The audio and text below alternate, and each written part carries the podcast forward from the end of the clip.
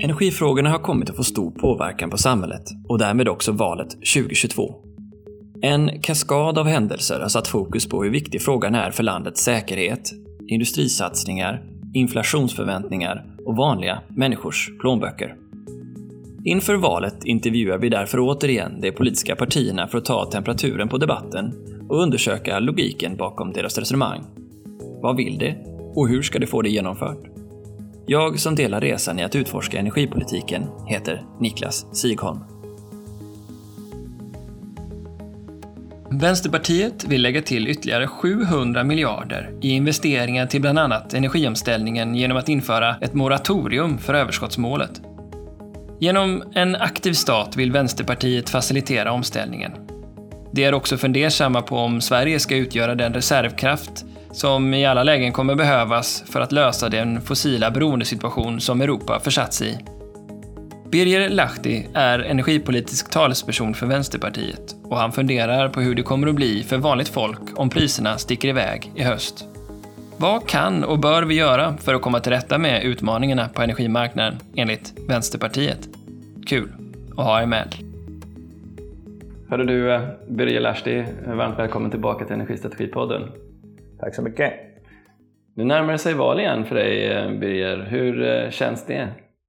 Nej, men det känns ju spännande med allt som händer i omställningen och jag tänkte, energifrågan blir allt mer och mer viktig och sen är det så många olika ingångar i frågan så nej, det känns ju spännande givetvis. Jag tänker för er, nu slår ju energifrågan i vintras och riskerar nästa vinter att på ett tydligt sätt slås, slås in på människornas, människors radar för att det kommer bli dyrt. Vi har sett i Europa hur hit or it-rörelsen har liksom tvingat fram människor till besparingar för att elen har blivit så dyr. Och det kanske inte är aktuellt för hela landet men det rör sig ändå åt det hållet. Hur ser ni på Vänsterpartiet på det? Ja, men det är lite grann problemet i en nötskal. Att hur hamnade vi här? Att vi har, oavsett vad man tycker, till exempel kärnkraften kommer alltid på fråga och några driver den som eh, enarådande att det är som skulle rädda allt. Men eh, hur hamnade vi här när vi inte har något energislag i Sverige som kostar de här summorna som drabbar då eh, SE3 och 4? Hur hamnade vi här?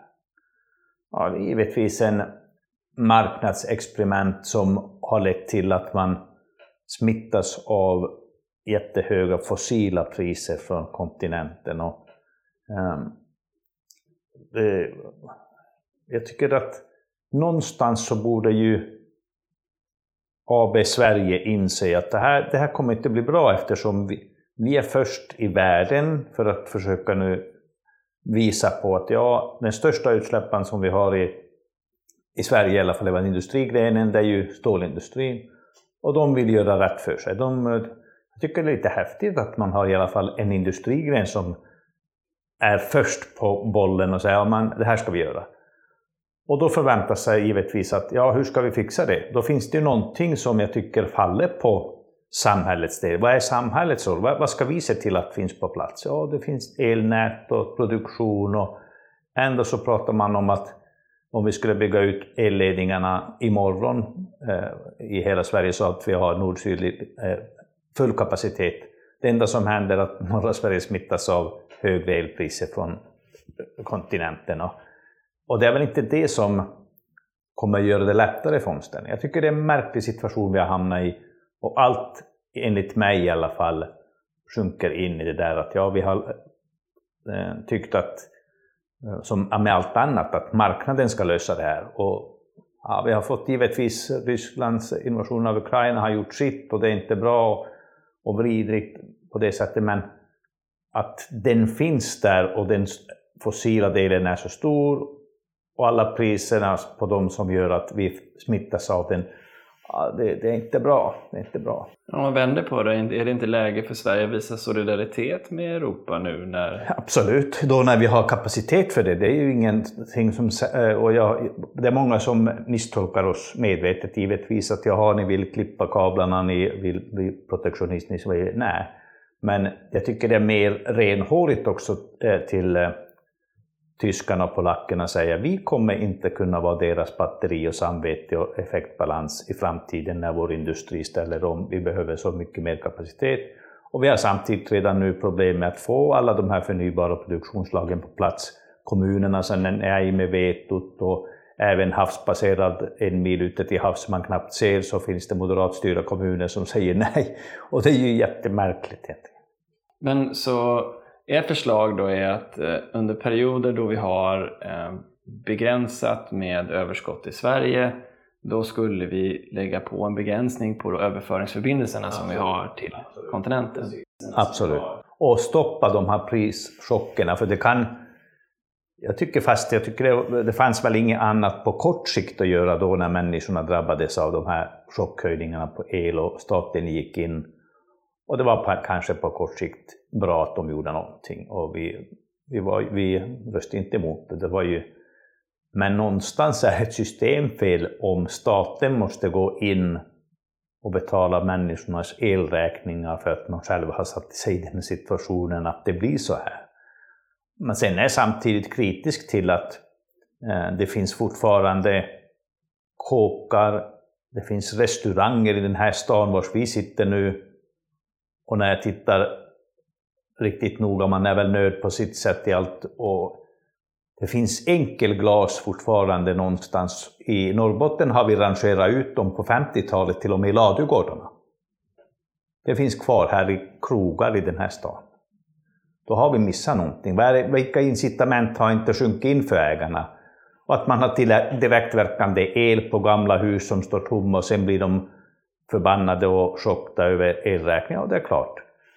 Samtidigt som vi har fattiga pensionärer som har lånat pengar och gjort renoveringar och gjort värmepumpar och de här. Och, så någonstans eh, vill jag hävda att informationen har inte heller gått fram. Det finns båda delarna, men elmarknaden och den här tron på marknadslösningar på allt och man ser el som vilken handelsvara som helst, det kommer inte att funka. Vad tror du eh, motreaktionen kommer bli från medborgarna eller arbetarklassen ifall elpriset blir dubbelt så dyrt nästa vinter? Nej, men det är klart att människorna blir fly förbannade och man, eh, för man vet ju att vi har ingen produktionslag i Sverige som har de priserna. Och ändå så får vi, vi eh, importerar de priserna från kontinenten. Och samtidigt driver EU och kommissionen på att vi ska bygga ut mer kablar så att man och det förstår jag när jag tittar på situationen som finns för de här länderna som är fast i rysk gas och eh, fossila bränslen, att de har hamnat i en jättedålig situation. Det har jag förståelse för.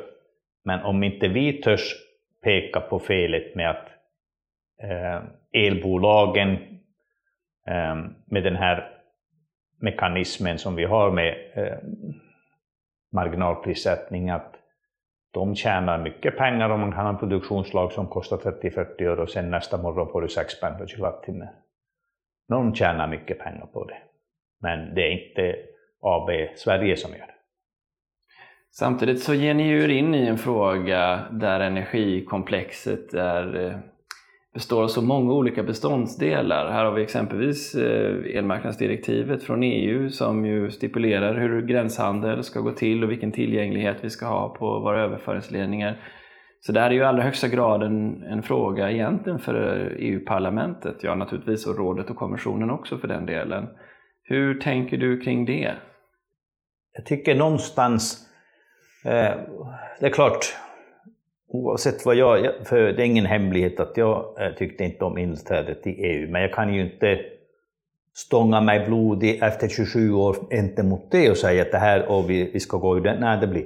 Men att inte tordas peka på fel när man eh, gör direktiv förordningar, ja då kommer vi hamna fler, ännu fler gånger i många andra sammanhang. Så tycker jag att då ska man ta den här fighten och visa på att det här blir inte bra. Det får ni förstå. Det, här, vi, vi kommer inte, det blir fel gentemot eh, kontinentens länder, Europaländer, om de tror att vi ska vara deras produktionslag. Jag, för, jag kommer inte ihåg om jag, han berättade men att man i utländska investerare kommer till Sverige, vi har glesbefolkat land, man investerar i en vindkraftspark, men att man tar med sig då produktionen och det irriterar folk ute i landsbygden. De tycker att eh, Eftersom jag kommer från norra Sverige så är det ingen hemlighet. Jag får ju till mig det dagligen nästan att ja, vi har byggt ut våra älvar och det, eh, om inte någon har varit på plats och sett hur man har byggt ut, hur det ser ut.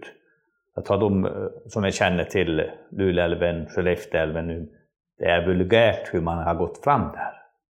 Och idag så ska vi väl vara tacksamma att man har gjort det, men idag skulle ingen få de här tillstånden, det är jag övertygad om. Det är vulgärt det som han har gjort.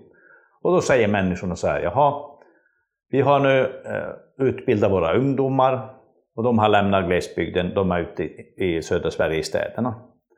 Vi har byggt upp våra älvar och vi förser Sverige med el.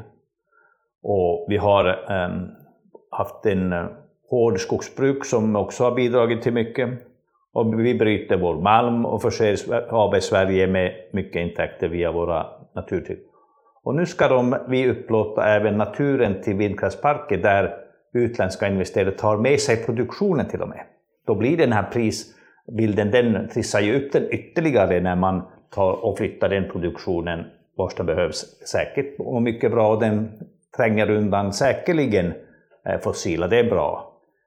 Men jag förstår ju deras reaktion givetvis. Att om eh, den skulle vara eh, statligt ägd som har byggt upp den, den skulle, den här bilden som vi målar upp, att om det blir kris i vår, eh, om det, oavsett om det är effektbalans eller prissituationen som säger ja nu, nu kan vi inte exportera mer, då skulle de acceptera det bättre. Men så ser inte utfallet med marknaden hur det ser ut idag. Så det du beskriver här är ju en, en variant av det som kallas för Not in my backyard eller vad är det jag ska bidra med till det allmänna nyttan och vad får jag tillbaka för det? Du nämnde själv exempel på kommuner som har sagt nej till vindkraftsparker som ligger en bra bit ut till havs. Eh, med samma argument ju, även om de är styrda i, i kanske från politiska partier på andra sidan eh, så säga, staketet. Mm. Um, hur ska man då, vad behövs då för att lösa upp uh, så att eh, man inte känner något in my backyard utan snarare en stolthet över vad, vad exempelvis en vindkraftspark, även om den är knuten till en power purchase agreement, en PPA som inte handlas eh, direkt över börsen. Nej, men, eh, jag ser ju nu med de här mm, som är upp i pipeline i mina så att säga hemtrakter nära mig vars det råder en osäkerhet vars kommunen kommer landa. Men om jag jämför med det som finnarna tog beslut om i våras att deras fastighetsskatt stannar i kommunen, då blir det ungefär 200 000 per vindkraftsnurra som blir en intäkt till kommunen varje år. Och det är klart, om jag tittar på och jämför de siffrorna med en park med 30 snurror kommer en landbaserad vindkraft, då skulle kommunen få 6 miljoner varje år intäkt från det. Och idag får de ingenting. Det är klart den har betydelse. För kommunerna som redan idag har en åldrande befolkning, de har inga sådana här som skulle tyda på en framtidsljus, att det här ser ljust ut bra. Fast vi i Pajala har bra eftersom vi har en gruva som är igång, det måste jag bara lyfta. Men det är klart att det skulle och vi måste få på plats någon ersättningsmodell till kommunerna, annars kommer den här eh, kommunala vetot fortsätta säga nej. Och jag förstår dem. Men en ersättningsmodell till kommunerna och gärna en produktionsbaserad, ju större produktion ju mer får de intäkter, då skulle det vända på skutan, helt övertygande. Och sen samtidigt så måste man kunna i alla fall börja rota i det här. Är det här rimligt att eh, man kan inteckna i decennier produktionen och vi vet ju inte hur deras marknad, vilka priser de har eh, gjort för att ge den här produktionen. Den, vi måste i alla fall toras titta på det. Vad är det som är rimligt? Hur mycket kan man... Och jag har inga problem med att det finns, och vi behöver säkert utländska investerare för att ro hem det här. Och när vi har överskott så kommer vi kunna bidra till klimatnyttan globalt och europeiskt perspektiv. Men någonstans måste man tordas ta den här fighten med Bryssel. Men eh, så här då, Sverige har haft en historia av väldigt mycket som har handlats över börsen och varit clearat som man säger. Och nu har vi haft en trend där vi har sett fler PPA, alltså det du pekar på som ett problem här, att man inte går över börsen utan man har bilaterala avtal. Och senast jag hörde så har det liksom ökat i den grad att kanske 20% av börsen eller det samlade värdet finns på PPA och resten finns clearat så att säga. Um, är det inte också så att det är en fråga om att även de här bilaterala avtalen dels som du säger puttar undan fossil kraft oavsett eh, var någonstans eh, kontrakten landar men också att det är en marknad som över tid också utmark, utvecklas och till slut blir mer transparent även om det är en annan så att säga marknadsmekanism. Ehm, eller menar du att man borde begränsa helt och hållet möjligheten till bilaterala avtal så att vindkraften borde liksom så att tvingas gå in på Nordpolspotten? Tekniken till det där den är ju komplicerad och jag vet inte hur man, om man skulle börja titta på vilka skruva skulle man skruva åt att det, effekten skulle bli det som jag vill åt, att man ska hindra i alla fall prischocker. För någonstans tycker jag ändå jag kan peka på det, det blir fel om priset går upp med flera hundra procent över en natt, bara för att den här eh, prismekanismen med marginalprissättningen gör att auktionspriset nästa morgon blir, då är det i alla fall ett systemfel definitivt.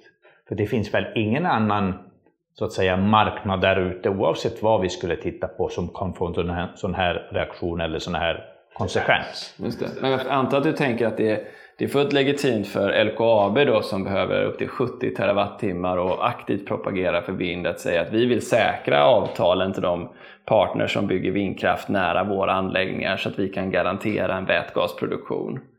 Absolut, och, det, och någonstans där så att de vill också säkert ha en eh, volatilitet i priserna eftersom när jag träffar de här stora, stora aktörerna som kommer att behöva, precis som du är inne på, enorma mängder el, då är de inne på den här vätgastillverkningen. Den behöver ju inte vara jämnfördelat över eh, timmarna, eller de kan ju inte stänga av den givetvis, men deras affärsidé bygger på att det är låga priser någon gång, då eh, gör de mer vätgas, vilket är en del av deras lösning. Men någonstans där så tycker jag att det vore rimligt att vi som land säkra till att vår industri klarar den omställningen och att människorna hindras från de här prischockerna som det handlar om. Men okej, okay, vi, vi pratar nästan om två olika frågor här. Det ena är förutsättningarna för lokal vindkraft och vad som behövs för det. Och fastighetsskatten har ju flera partier varit eh, liksom inne på. Eh, man kan tänka sig att det kanske finns en eh, tillräcklig majoritet i riksdagen för att hitta en sån lösning efter valet. Tror du det? Det tror jag. Ja. Den andra frågan handlar om södra Sverige och de höga priserna som kommer och marginalprissättningen ner mot den europeiska marknaden.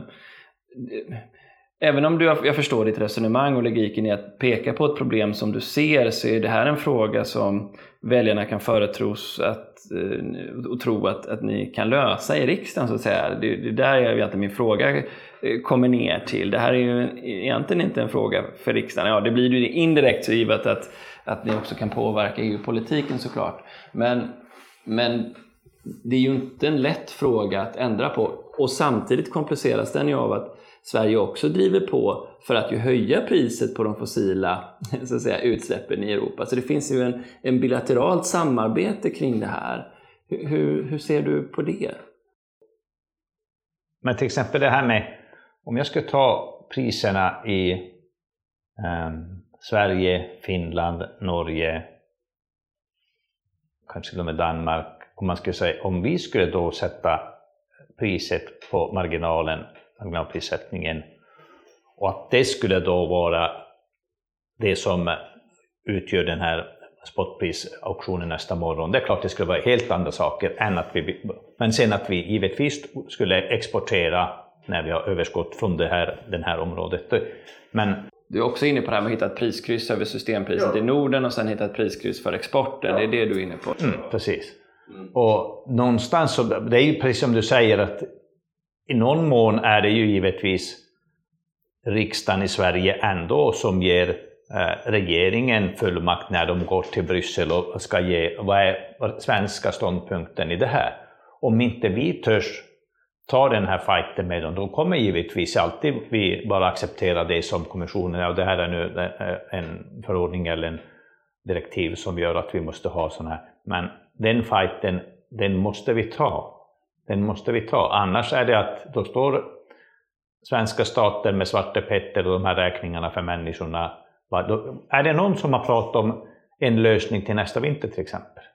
Jag hör ingenting man pratar om kärnkraft, jo den är 15 år eller någonting sånt där fram i tiden. Man pratar om hur vi ska eh, bygga det förnybara. Men ingen pratar om någonting. Vad är lösningen nästa vinter när de här priserna börjar komma?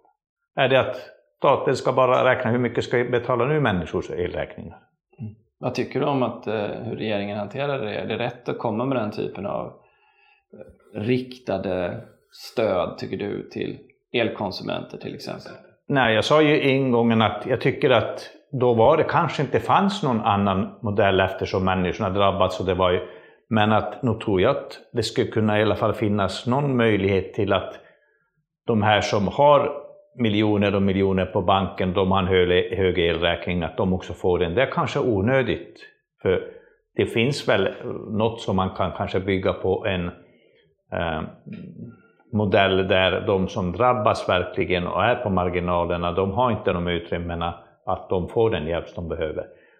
För jag, det stör ju mig när jag vet att det finns människor som eh, inte bryr sig. De bryr sig inte fast deras elräkning om den kostar 2000 eller 6000 per år. De, har, de bryr sig inte. Sen ska de få de här eh, stödet också. Hur blev det för dig? Nej, för det, jag brukar säga det, det är fantastiskt egentligen att, nu kommer jag inte ihåg om det var december eller januaris elräkning jag kollade på, då hade min el kostat mig 500 kronor, elen. Men jag fick 700 kronor från staten. Och då är det någonstans, ja, eh, staten gav mig 200 spänn sånt där ytterligare, förutom det som min el hade kostat. Och ja, jag kan ju välja något annat med de där 200 spännen, men det, är ju, då, det pekar ju på att det, det här, och jag hade avtal som var billiga och den var bra, men och de chanserna fanns ju i södra Sverige också.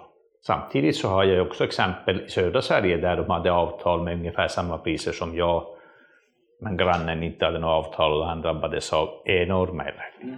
Ja, men du är inne på en, på en fråga som ju kan bli akut om priserna blir väldigt höga. Speciellt illa skulle det bli om, om Putin skulle strypa gasen till Europa.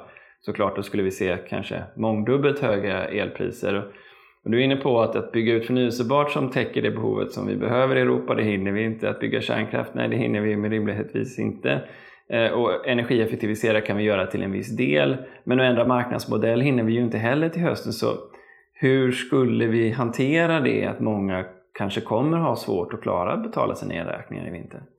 Nej, men jag håller med om att här borde man även elbolagen, att de också ser att är det här vettigt att jag ska tjäna eh, 100 procent nästa kvartal på de pengarna jag är inne? Eller är det min roll också att se till att nej, nu måste vi hjälpa konsumenten att göra rätt val och erbjuda sådana avtal som gör att ja, de kommer inte så att säga, eh, elbolagen de, och det är ju kapitalismen är ju hård oavsett var den är, så de tänker ju inte skänka bort någonting.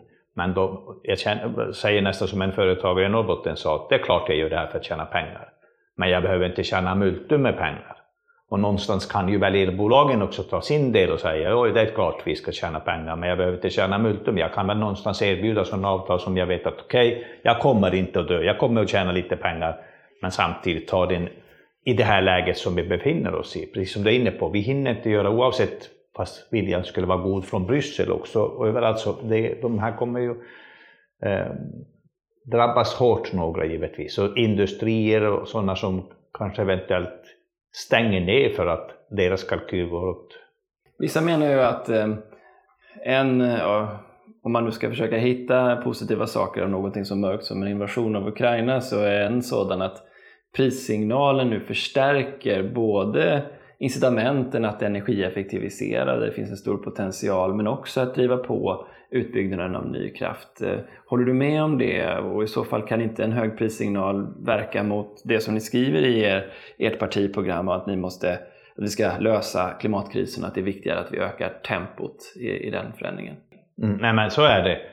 Och det är därför vi har nu lanserat det här att man borde ha ett moratorium i överskottsmålet och även till och med åt andra hållet att man skulle kunna göra underskott i en tid för att visa på att det här är nu allvar. Vi måste vi kan inte bara vänta och se eh, om det dyker upp någon från marknaden som eh, tar på sig om den här biten. Eller, och den hänger ihop givetvis att Vi måste utbilda först och främst folk som kan ta de här jobben, för det fattar jag att om vi skulle lansera jättegigantiska projekt imorgon och säga att nu ska vi bygga de här och vi skulle ha tillståndet på, på plats och det är många sådana här pusselbitar.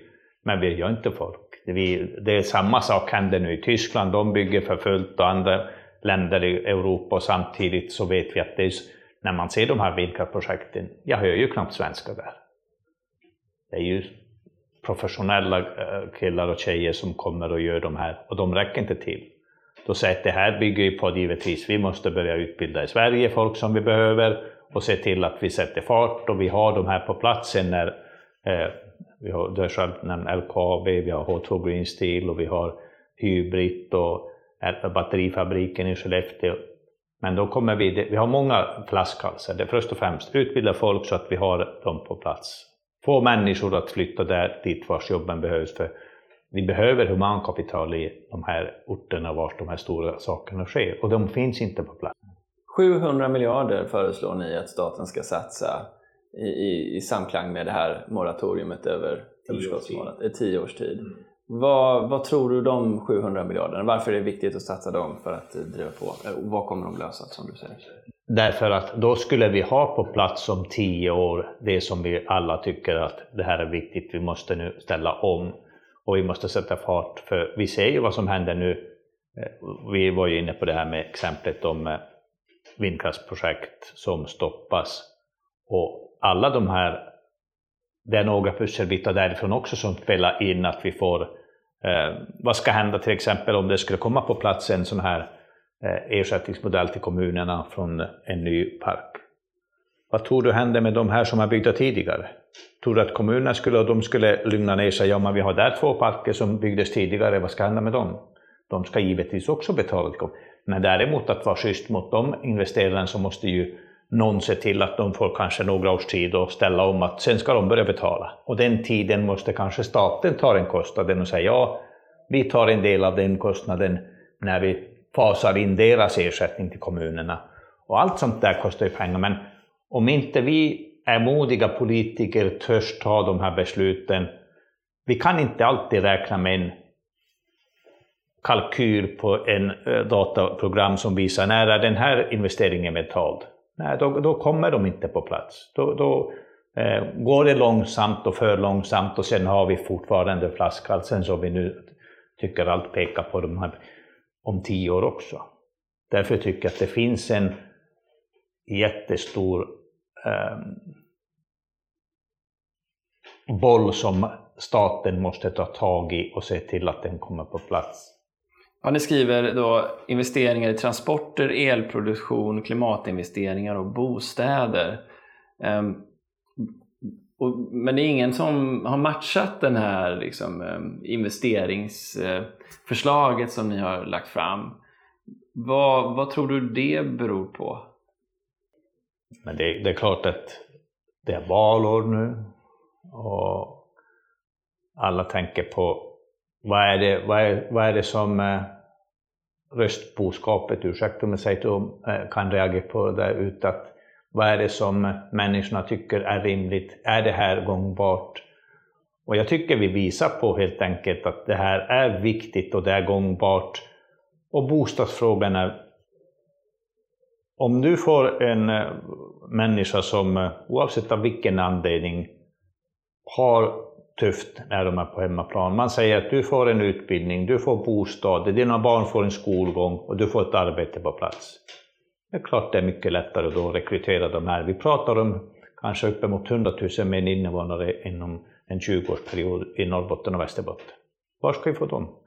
De kommer, vi kommer inte få dem på plats om vi inte kan erbjuda de sakerna. Vi utbildar dem till det jobbet, vi har en bostad på plats, de har ett jobb och skolgång och eh, det som en människa kräver i de tiderna du inte är på jobbet eller sover, att de finns på plats. Det är klart att det, då, då lyckas vi. Men om inte staten tar det ansvaret och visar att det här kan vi lyckas, då tror jag faktiskt att det blir tufft. Så du tänker till och med staten skulle gå in och stötta en, en ganska liten kommun som Boden, som står inför, inför en, en, en. Absolut, för det, det är ju...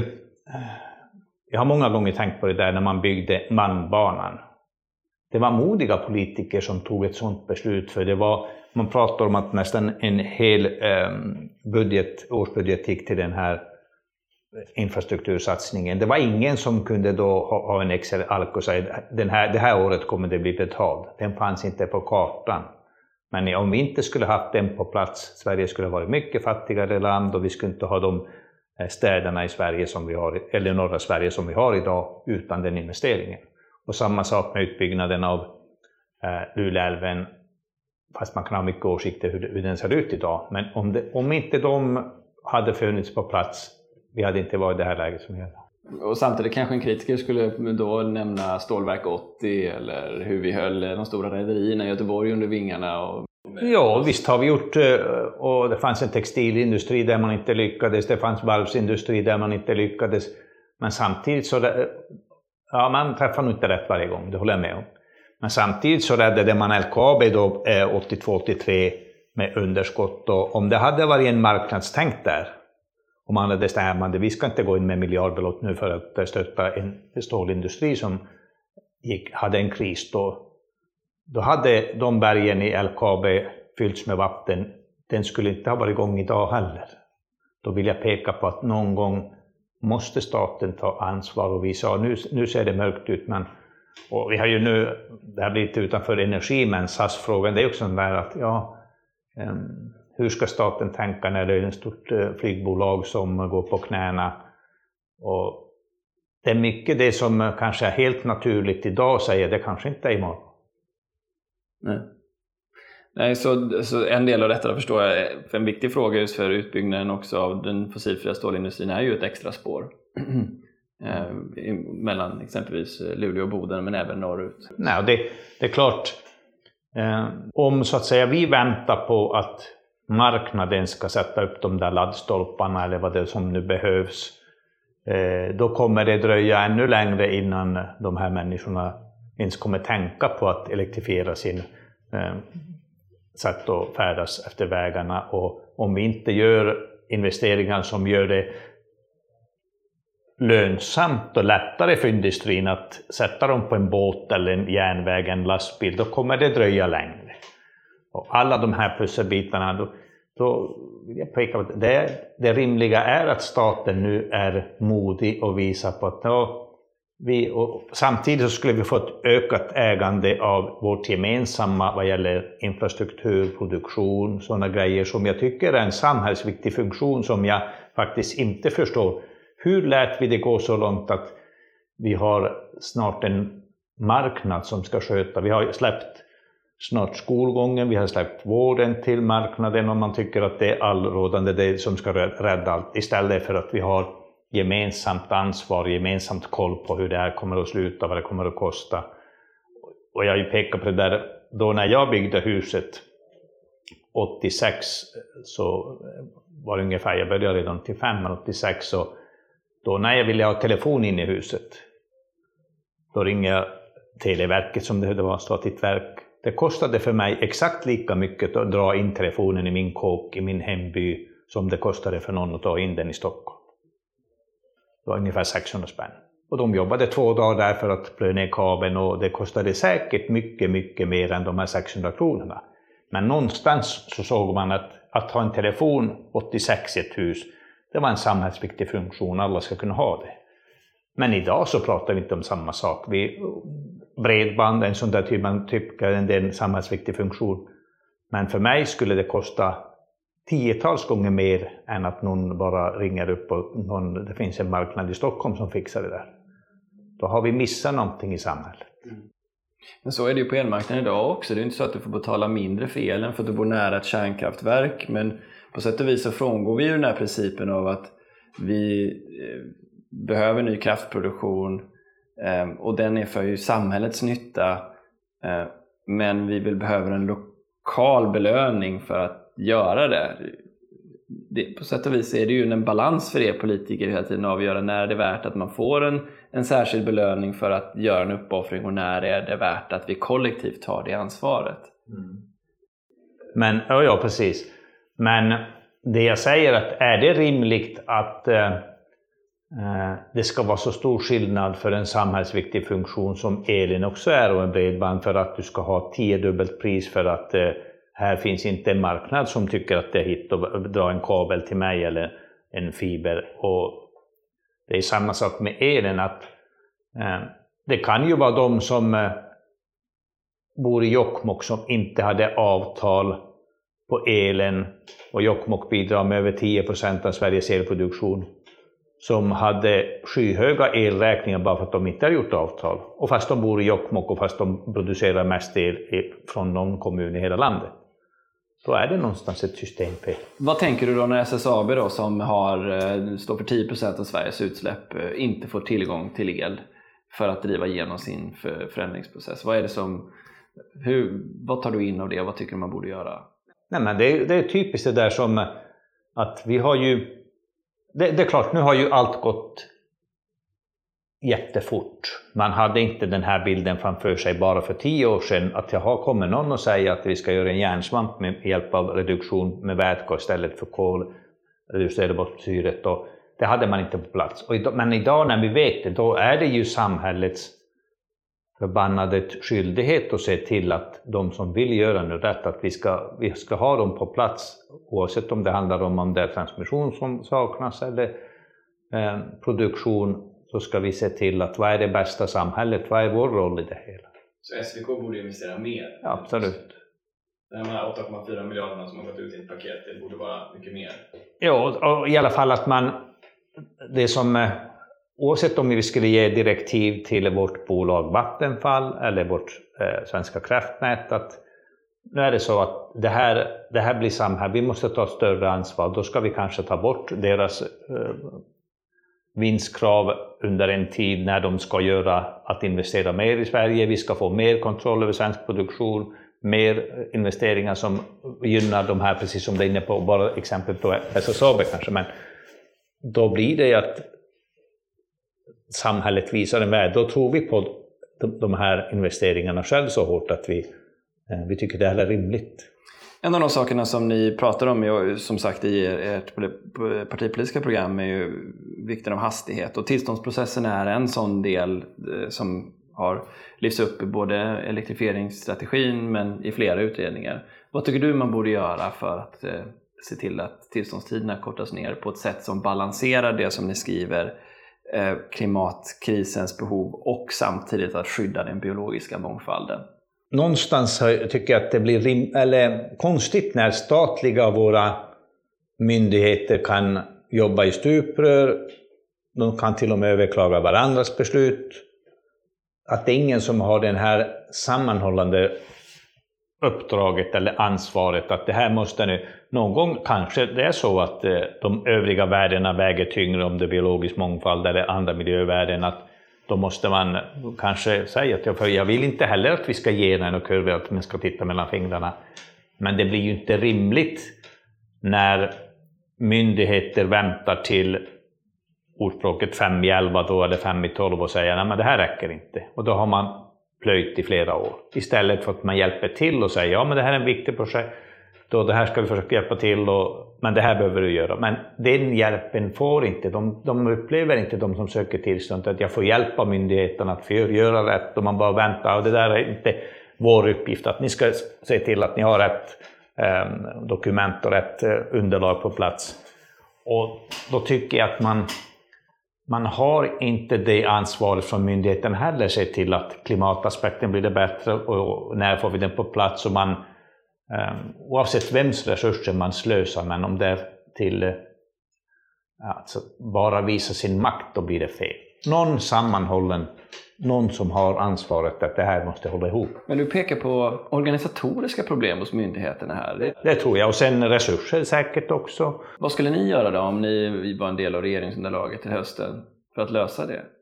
Men det är klart att eh, om det visar sig att de har för lite folk för att eh, se till att man behåller en viss fart, då, då, det är klart, då behöver de resurser för det. Men samtidigt så tycker jag att man ska sätta kanske, jag vet inte, nu höftar jag bara till det, att man, någon som har uppgiften att se den här sammanhållningen i det som är myndighetsutövning, att man inte så att säga kan ligga på hanen, vänta tills, fast man vet att det här kommer, jag ser att det saknas där, utan att det är deras förbannade skyldighet att se till att man flaggar för att om du inte har det här med så vet du. Och samtidigt kanske någon gång ge signaler på tidigt skede att det här är en stor eh, riskprojekt, om du går vidare så vet du att det kan ta tid. Istället för att man, som det finns nu fall, att de ligger kanske på regeringens bord i flera år och sådana grejer. Oavsett vad man tycker om projektet eller vad det skulle landa i så tycker jag att det blir fel att man inte ger signalerna i god tid att hur det ligger till. Och någon gång så ska man hjälpa till om det är en viktig projekt för klimatet. Och någon gång så, och det kan man inte ifrån att alltid när man gör någon åtgärd så är det någonting som man offrar. Det blir, så är det. Och då ska man väga dem emot varandra. Är nu den här offringen mindre än vinsten i klimat eller någonting annat, då, de ska man givetvis ha med. Men... Har du några sådana, för ena sidan kan man tänka sig att du önskar att Energimarknadsinspektionen blir mer serviceinriktad, det är så det låter på dig, att de på något sätt inte bara bedömer ansökningar om koncession som kommer in utan aktivt verkar för att möjliggöra dem. Eh, men det finns ett antal förslag som ligger på sådana här förenklande regelverk som ska vi ha luftledning kontra markförlagd ledning, ska vi ha eh, hur ska linjekoncessionen eh, när det kommer till påverkan för områden som omfattas biotopskydd hantera, Ska vi förenkla den processen? Finns det sådana aspekter som, du, som ni tycker är viktiga att driva igenom? Ska det bli ett riksintresse med stamnätet exempelvis? Ytterligare sånt? Det är svårt att generalisera eller säga att det här, nu, det här kommer funka överallt och så här gör vi. Det, det, det blir nog fel om man ska göra så, men någonstans så ska man inte vara främmande för att titta vad är det som behövs här för att det ska gå snabbare. Och vad är det som behövs så att man inte för några, för jag tycker de där signalerna kommer fram ungefär som att man ska förenkla, det ska vara eh, ungefär som att det inte vore lika viktigt med några för det, jag tycker att någon, av någon anledning så har vi ju hamnat där också, man tycker att ja, vi ska nog vara strikta med att eh, vad är det som kan ta stryk, om vi pratar om vatten ofta, och det är klart sådana bitar så skulle jag vara livrädd för att släppa loss lite grann, att det här är inte så viktigt. För människorna är kreativa. Man så, så du är inte för att göra de här tydliga, liksom, byggluftledning, det är liksom standard, det som gäller. Men om vi då ska få ner, eller frågan är egentligen så här kanske bättre då, hur snabb, vad är en rimlig tid om vi har pratat om tio år för en tillståndsprocess för en färd, färdigbyggd ny koncession? Vad skulle den behöva vara? Som no, kanske hälften. Kanske hälften. Fem år? Ja. Då kommer några tydliga förändringar förmodligen behövas. Det är en radikal förändring. Men jag tror inte ändå att det skulle behövas att man lättar på kraven i det bemärkelsen. Det kanske kan finnas någon gång också. För jag, jag ser ju det här med Natura 2000 till exempel.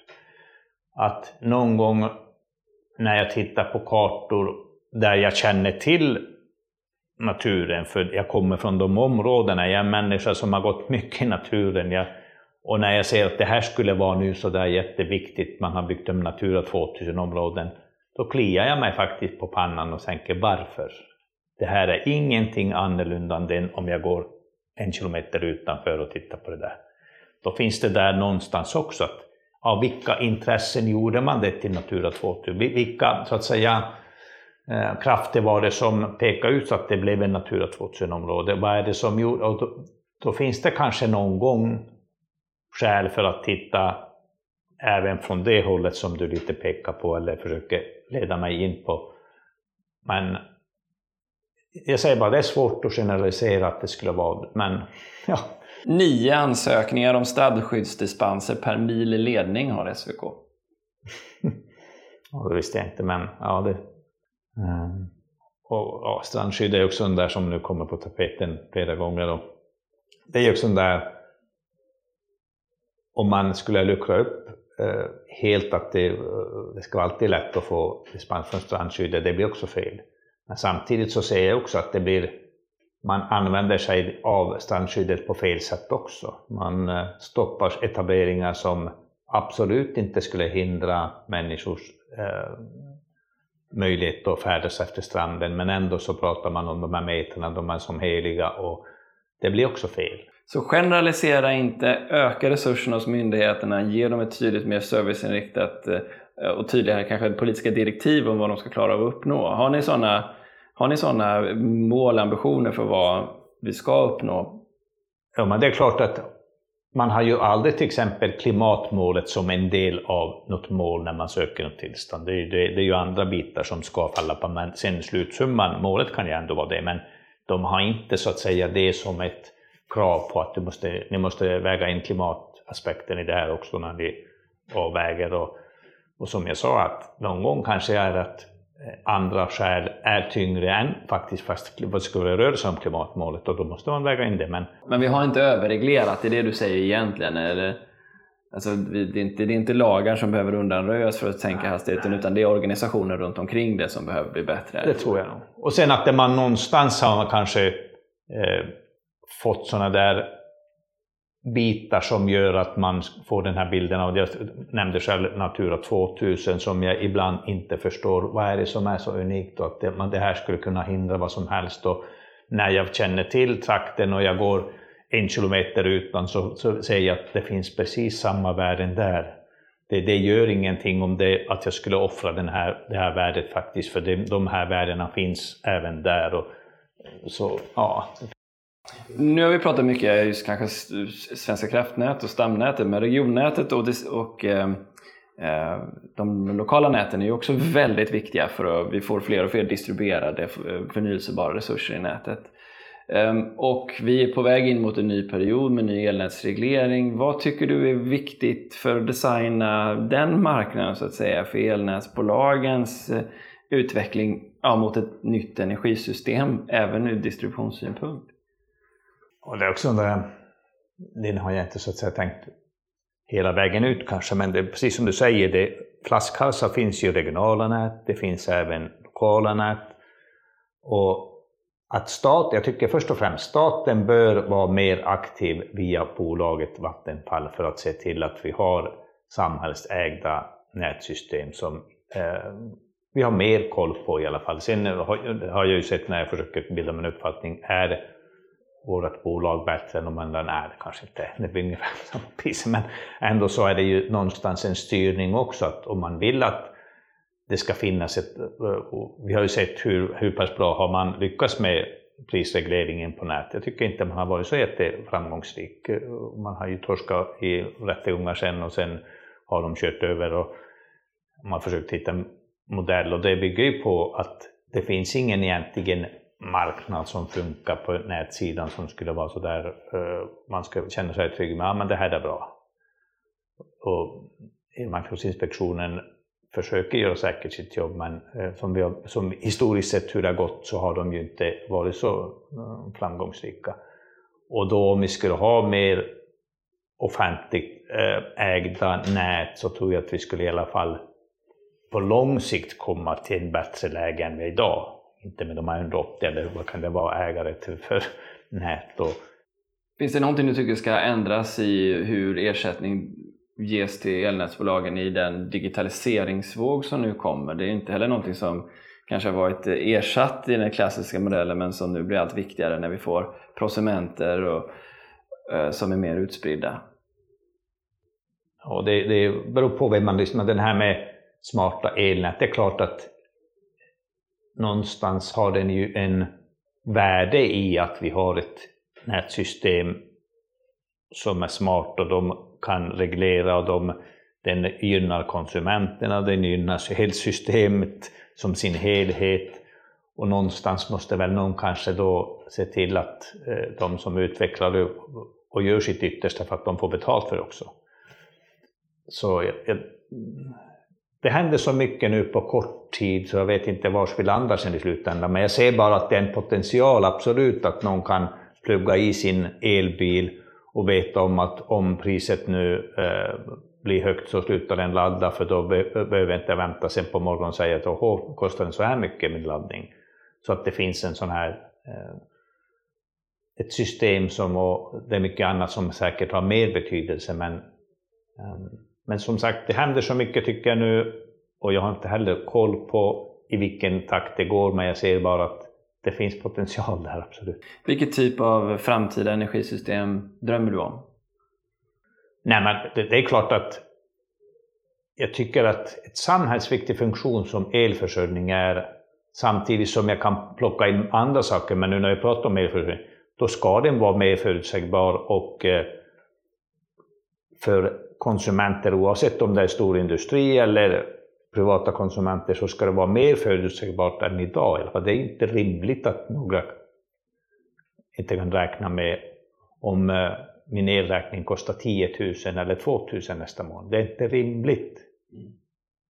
En, eh, som avrundning så vill jag också nämna, vi pratade mycket om skogen förra gången vi hade vår intervju, du och jag, och du har ju lång erfarenhet själv från skogsindustrin.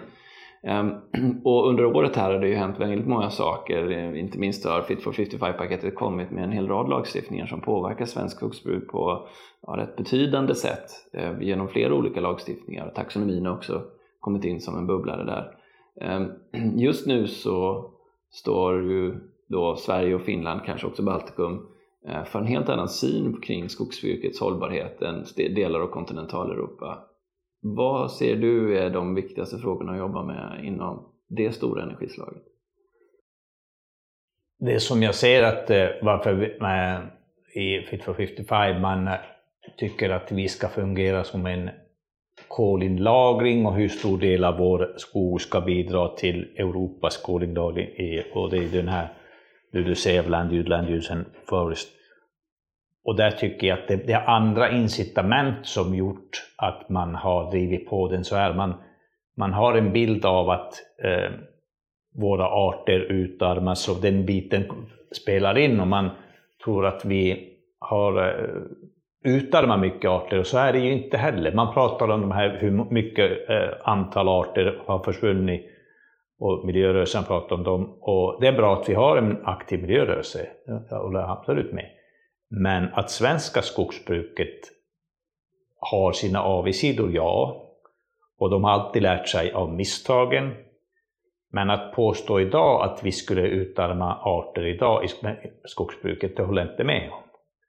Och vi har ett eh, skogsbruk som absolut kan ändra sig lite. Storbolagen bör absolut ta ett steg tillbaka och säga varför hamnade vi här? Varför är trycket så hårt även inom landet? Vi ser ju nu att eh, hur människorna reagerar och alla har den där bilden av att allt är ont. Jag brukar säga att de är inte onda allihop som sköter skog.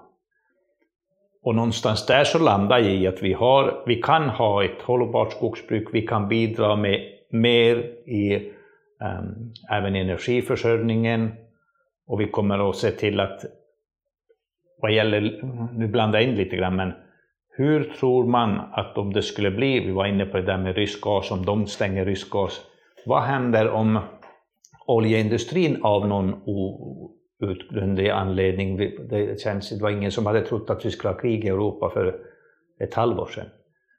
Om oljeinförseln skulle stoppas av någon anledning, då har vi inte ens mat på bordet om några dagar. Bönderna kan inte köra sina traktorer ännu, sina skördetröskor med el. Och då behöver vi inhemsk produktion av biobränslen. Och en del till den lösningen, det är skogen faktiskt. Och vi ska vara nöjda att vi har den möjligheten i Sverige tycker jag. Så vad man behöver Vänsterpartiet och riksdagen göra för att förändra den här synen hos Europa som du ser det? Nej, men man måste, det är en okunskap som tycker jag som präglar mycket av det där. Okunskap som man har fått av en bild som Eh, målas ut och kavlas ut i eh, media som att det skulle bara vara till ondo. Det finns dåliga exempel, jag är den första att eh, erkänna det, jag är inte stolt över allt jag gjorde 85 i skogsbruket. Men jag hävdar att idag så är det en helt annan sits och det finns, jag brukar säga de här rötäggen, de är jämnt fördelade i landet och i populationen. Och det finns även i de här branscherna de som tycker att de, de dåliga exemplen kommer alltid fram. Så är det. Men du nämner LULUCF då och det som exempel så tycker du inte Sverige bör ha som krav på sig från EU att öka kolinbindningen eh, så mycket som föreslås? Nej, för jag tycker att vi gör mer nytta med substitution när vi ersätter eh, fossila ämnen oavsett om det, och vi ska göra så mycket för så att säga långlivade produkter som möjligt.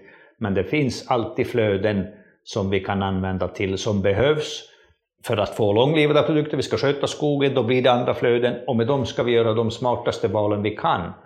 Och någon gång kan det bli av säkerhetsskäl också om eh, livsmedelsförsörjningen ska kunna fungera om det skulle bli kris så måste vi ha någonting som vi täcker upp med och då blir det flytande biobränslen från eh, biologiska nedbrytbara bränslen och där skogen är en del av lösningen, definitivt. Mm. Du, eh, Birger, är det någonting du skulle vilja säga också angående liksom det, det, eh, nästa stora kraftslag som vi har? Vi nämnde det precis i början, men vi har precis sett ett förslag kring kärnkraften och att staten ska gå in och eh, med lån garantera liksom, bättre förutsättningar för ny kärnkraftsproduktion i Sverige. Det är ju för all del någon form av förstatligande även om man skulle upplåta det till privata aktörer och bygga det. Hur ser du på ett sådant förslag för att skapa ny produktion i Sverige? Nej, jag, jag tycker det är ingen hemlighet. Jag tycker att eh, många pratar om det här med fjärde generationens kärnkraft. Det är ingen som eh, kommersiellt har ens det på ritbordet att det skulle vara möjligt. Och Idag så vill Moderaterna gå ut med 400 miljarder, precis som du berättade, om att eh, man ska ta så att säga, säkerhetsriskerna från statligt håll. Och jag får inte ihop kalkylen eftersom jag det senast för, eh, i förrgår så sa Liberalerna att det finns eh, aktörer som är beredda att investera. Om de finns då, varför behöver vi ett sådant system för? Och kärnkraften tycker att den, eh, de har mer så att säga problem idag på bordet än det fanns då när inte Fukushima och oberoende härkylning fanns på plats och kostnaderna har ökat och vi ser de exempel som finns på plats eh, oavsett om man tar Finland eller Storbritannien som exempel. Då är de dyrare än förnybart. Och jag är inte så där av som ungefär att någon skulle programmera mig till att vara emot kärnkraft. Jag är öppen, jag försöker alltid komma ihåg att oberoende forskning det är bra och vi ska lita till forskning som visas. Och jag, bara som en kuriosa, jag ska få till Forsmark imorgon, imorgon faktiskt, besöka dem bara för att jag vill, jag vill inte att någon, eh, att jag ska vara emot någonting som jag inte kan någonting om, eller av så att säga eh, religiösa skäl om jag skulle vända det till ungefär sånt där. Men, men jag tycker det är en märklig eh, diskussion som pågår, att det är ungefär som att av politiska medel så har vi stängt nu reaktorer. Jag tycker inte det stämmer riktigt eftersom man gav ju dem eh, utrymme för att inte betala skatt för eh, den här termiska effekten och man tog bort, man underlättade för dem, men ändå så var det ägarna själva som inte gjorde investeringar och tyckte att de här stänger vi. Men jag vore ju dum som politiker om jag skulle säga så här att om det är någon som kommer med, ja nu har vi knäckt den här koden, nu kan vi göra en eh, fjärde generation som visar på att det här blir bra, vi kan förkorta lagringstiden för avfallet från 100 000 år till 1000 år, vi kan använda utkänt bränsle och det blir mycket jag skulle vara dum om jag inte omprövar mitt beslut som jag har idag givetvis. Det är bara att du inte ser det? Eller? Nej, jag ser inte det idag på plats. Nej. Det här med att staten skulle garantera någon form av ersättning för planerbar kraft, då, vad tycker du om ett sådant förslag? Ja, det är ju det är en sån där systemfråga som kommer... Är det samma sak då om vi visar sig, för den går i alla fall, jag tycker, med mycket snabbare takt framåt, det här med vätgaslagring och vätgas och och jag, när vi träffar H2 Green Steel, och sen, eh, man ska alltid ta med lite nypa salt när man får lobbyister som kommer, men det lät ju häftigt när de berättar hur de redan om några år kan vara den största vätgasproducenten i landet, i Boden, i H2 Green Steel. Och om de där går i de takterna, så säger jag att de här, det vi har i Karlshamn nu, att den, några timmar så startar man en jättestor eh, dieselmotor eh, som gör el. Det är ju historia om några år om det här visar sig med vätgas. Fast det skulle vara att man får en dålig ut, så att säga, för att du stoppar in tre enheter, du får ut bara en för att power to gas tillbaka till power, så ändå en bättre lösning än att elda diesel givetvis. Så jag tror att det kommer hända mycket och ja. Avslutningsvis då, vi, Världsnaturfonden gick ut och sa att vi behöver spara bortåt 20% på koldioxidutsläpp per år fram till 2030 för att nå 1,5 gradersmålet. Annika Strandhäll gick ut och sa att ja, det blir nog svårt. Vill du fortfarande att Sverige ska klara av att nå 1,5 gradersmålet i så fall, vad är det för typ av raketmotor du, du ser att eh, politiken ska bidra med? Nej, men jag tror att den, vårt moratorium som vi visar på de här de kommer att vara betydande givetvis. Där kommer vi kunna göra betydligt snabbare investeringar som drar ner utsläppen. Och jag tycker att, fast jag har det på näthinnan också, att det vi i ett litet land som skulle göra allt yttersta som vi kan för att komma ner i vår del av de 1,5 grader så kommer den i det globala eh, så att säga ha liten betydelse. Men jag tycker ändå att vi visar på när vi visar stålindustrin, om den kommer att anammas av de här alla länderna, då har vi lyckats mycket. Då har vi bidragit, tycker jag, så mycket till att visa på att det går, för stål kommer vi att behöva och människorna kommer nog inte ändra så mycket sitt beteende. Jag tycker det finns mycket som vi individer kan göra givetvis. Vi behöver inte ha um, så mycket slit och slängprylar som vi har idag och vi kan bidra, men stålproduktion, om vi kan visa från Sverige, ett litet exportberoende land, att vi fixar det här och eh, länder kommer vara tvungna att följa efter. Människorna kommer välja de fossilfria prylarna, om man säger så, som har stål i sig. Då har vi bidragit definitivt till 1,5-gradersmålet. Tack så hemskt mycket för att du var med i Energistrategipodden igen, Birger. Tack själv.